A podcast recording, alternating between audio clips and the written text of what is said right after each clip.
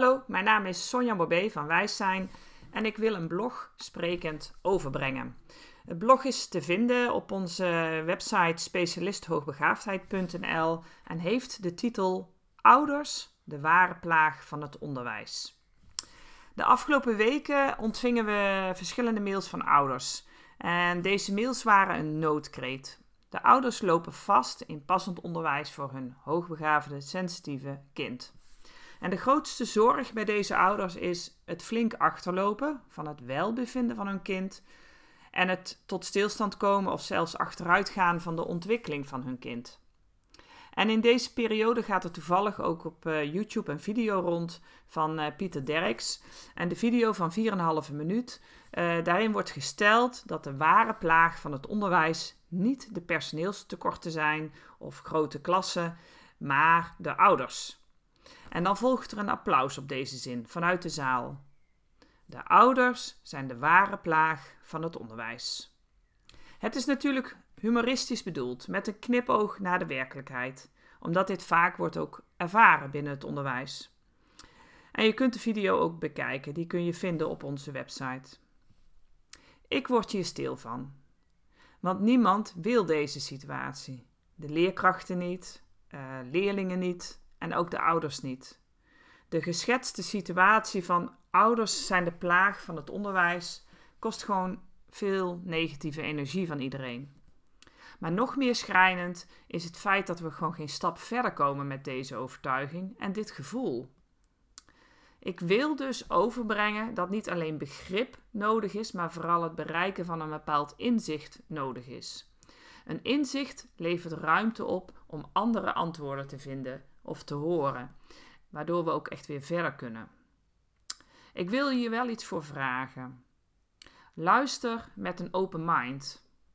En luister rustig mee. Er is namelijk veel te vertellen om te doorgronden. En het is de bedoeling dat er iets gaat resoneren, iets raakt in jou. Dus neem de tijd en luister gerust over een tijdje weer. Ouders tegenover leerkrachten. Hoe komt de overtuiging tot stand: ouders zijn de ware plaag van het onderwijs? Ik vroeg dit aan ouders en ik vroeg dit aan leerkrachten. En samengevat kreeg ik de volgende antwoorden eigenlijk. Ouders geven het volgende aan: het niet echt luisteren van de leerkracht, te weinig tijd om echt in gesprek te komen, de dominante gesprekstoon bij de leerkracht. Het is al besloten. Er is geen of onvoldoende kennis. Mijn kind wordt niet gezien zoals het thuis is. Mijn ervaring wordt niet serieus genomen. Ik ben maar een ouder. De prioriteit ligt ergens anders, andere kinderen. Ik heb het beste voor met mijn kind. Ik begrijp de leerkracht wel, maar. Curling teaching. De leerkracht durft niet los te laten. Onmacht ontstaat bij me. Mijn kind is zijn motivatie en zijn welbevinden kwijt. Al zoveel vruchteloze gesprekken gehad. Ik weet niet meer hoe het verder moet. Er wordt getwijfeld aan wat ik zie of weet. Er moet zoveel in het onderwijs waar niet de behoefte ligt van mijn kind. Het is wringen om in dit onderwijssysteem iets passend te maken. Ik voel me een ware plaag voor de leerkracht. Leerkrachten geven het volgende aan: niet echt luisteren van de ouder, te weinig tijd om echt in gesprek te komen, een dominante of een eisende gesprekstoon bij de ouder. Er is multidisciplinair afstemming geweest. Ik ben niet hiervoor opgeleid. Mijn leerling wordt niet gezien zoals het op school is. Mijn ervaring wordt niet serieus genomen als professional. Niet uitvoerbare verzoeken in een te grote klas. Ik heb het beste voor met mijn leerling. Ik begrijp de ouder wel, maar. Curling parenting. Ouders durven niet los te laten. Onmacht drijft me. De leerling is ongemotiveerd en het welbevinden gaat achteruit al zoveel vruchteloze gesprekken gehad. Ik weet niet meer hoe verder. Er wordt getwijfeld aan wat ik zie of weet. Er moet zoveel anders van de ouder, maar is dit de behoefte van mijn leerling? Het is wringen om in dit onderwijssysteem iets passend te maken. De ouder is een ware plaag voor het onderwijs. Vergelijk eens de twee rijtjes die je hebt gehoord. Wat hoor je dan? Welke inzichten krijg je? Zie je dat er veel dezelfde gedachten worden gecreëerd om tot die overtuiging en het gevoel te komen. De ouder is een ware plaag voor het onderwijs. We bouwen het samen op. Als we het samen opbouwen, kunnen we het ook samen afbreken. Begrip tegenover inzicht. Als we stil worden, weten we dat de leerkrachten en de ouders niet een plaag zijn. De leerkrachten zijn gewoon leerkrachten en de ouders zijn gewoon ouders, die allebei het beste proberen te doen in het moment voor het kind. En het beste doen in het moment is een inzicht.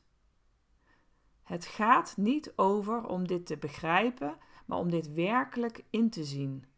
Dit kan in een flits worden beseft en het kan ook zomaar jaren duren, bij de leerkracht of bij de ouder. Ter verheldering leg ik het op een andere manier nog uit. Zowel ouders als leerkrachten zeggen vaak genoeg: Ik wil het beste voor het kind. Helaas zeggen we dit vaak met de toon van een tegeltje aan de wand. Het wordt niets meer dan een mooi tegeltje aan de wand. We begrijpen het, we willen allebei het beste voor het kind. Maar het brengt ons niets. We zien niet werkelijk wat dat beste dan is. Wat doet die leerkracht dan dat het beste is voor het kind? Wat doet die ouder dan dat het beste is voor het kind? Wat is het beste voor het kind? Wat kan ons helpen om verder te komen dan begrijpen? Laten we beginnen met waarom we verder moeten komen dan elkaar begrijpen.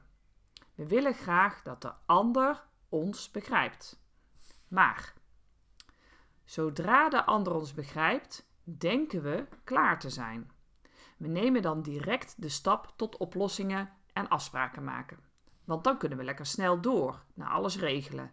Dit is resultaatgericht en wij voelen ons daar goed bij. Althans, dat denken we. Actie is goed. Dat denken we. We doen dus ons best om de ander ons te laten begrijpen, want dan kunnen we de actie ondernemen. Maar dan volgt mijn vraag: verandert er ook duurzaam iets of komt alles op een bepaald moment weer terug als een plaag? Ik geef een voorbeeld. Je kunt als leerkracht begrijpen met logisch denken dat een slimme leerling meer uitdaging nodig heeft. Maar als je tegelijkertijd gedachten en gevoelens hebt die de noodzaak en de essentie niet laten doordringen, dan is de kans groot dat er in wezen niets verandert. Je geeft een uitdaging, bijvoorbeeld rekentijger, en je denkt dat het is opgelost. Maar wat als je merkt dat het wringt, dat het ongemak weer om de hoek komt kijken? Dit is eigenlijk prachtig. Dit is namelijk een signaal dat er inzicht nodig is, dat we verder moeten komen dan begrijpen, of dat mooie tegeltje aan de wand. Je kunt als leerkracht een inzicht krijgen waarom een slimme leerling meer uitdaging nodig heeft. Je hoort iets in een gesprek waardoor er echt een kwartje valt. Je gedachten en gevoelens gaan 180 graden draaien. Je doorziet de noodzaak. Je weet dat een boekje rekentijger geven pappen en nat houden is. Je gaat schoolbreed een betekenisvol curriculum realiseren voor hoogbegaafde leerlingen op je school en je vraagt aandacht voor die deskundigheidsbevordering van het schoolteam. Wat is er nu anders bij een inzicht tegenover begrijpen? Wat gebeurt er bij een persoonlijk inzicht krijgen in onszelf, inclusief dat het kwartje valt gevoel? Nou, het wezenlijke verschil met een inzicht ehm, is dat met een inzicht verandert er iets binnen in jou. Je maakt het kader of je perspectief van de ander breder. Ehm, sorry. Je maakt niet het kader of perspectief van de ander breder, maar je maakt je eigen kader of perspectief breder. Als er iets in jou verandert, ga je meer of andere dingen zien en, en ervaren. Er ontstaan nieuwe antwoorden. En pas dan wordt het tijd om na te gaan denken over oplossingen of iets anders gaan doen. Niet eerder. Je oplossingen en acties worden duurzaam. Het lost de plaag op. Veel oplossingen of afspraken die zonder inzicht gemaakt worden, voor vraagstukken als passend onderwijs, werken matig of niet. Dit levert een gefrustreerd gevoel op. Het is niet goed genoeg, het werkt tijdelijk. En dan die herhaling dat het misloopt, vormt een overtuiging, er ontstaat een ware plaag. Maar dit is ook meteen een goede maatstaf. Werkt de oplossing of afspraak matig of niet, dan is de kans groot dat je een inzicht mist. Aan jou om dat inzicht te vinden of te horen. Besteed minder aandacht aan het feit dat de ander jou moet begrijpen. En daar is een mooie formule voor. En de formule is als volgt: informatie maal helderheid is de kwaliteit van je resultaat. Wat bedoel ik daarmee? Nou, alleen informatie is niet genoeg om tot dat duurzame resultaat of die oplossingen te komen. Ook jouw helderheid, oftewel jouw inzichten, dragen bij aan de kwaliteit van resultaten en oplossingen. Als je meer helderheid of inzicht krijgt, dan mag je erop vertrouwen dat ook de oplossingen en resultaten beter worden. Echt waar. Online bij het blog kun je nog een mooi plaatje vinden om dat inzichtelijk te zien. Suggesties om inzicht te verkrijgen. Hoe ga je nou inzichten vinden om duurzame oplossingen te realiseren? We besteden hier graag aandacht aan in de opleiding, maar ik geef alvast vier suggesties die de richting aanwijzen voor het verkrijgen van inzicht. 1. Realiseer dat het lastig is om inzichten te krijgen als je tegelijk bezig bent met het bedenken van je eigen antwoorden of je eigen standpunten in een gesprek. 2. Realiseer dat luisteren om te begrijpen je de informatie van de ander in je eigen kaders stopt. Je gaat de informatie passend maken binnen je eigen kader en er verandert eigenlijk niks. Realiseer dat luisteren om inzichten te krijgen je het kader en het perspectief van de ander nodig hebt om de informatie die je hoort te doorgronden.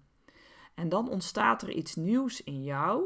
Je verbreedt je eigen kaders. Er ontstaat wel verandering. En leer weer te luisteren naar het goede gevoel. Dat gevoel van het kwartje valt bij jou. Want de kans is groot dat je dan bij een inzicht zit. Ik hoop dat dit jouw inzichten bracht. Zo niet, of wil je meer inzichten, kom ze eens ophalen in onze opleiding. Je bent van harte welkom en je kunt alles lezen op www.specialisthoogbegaafdheid.nl. Bedankt.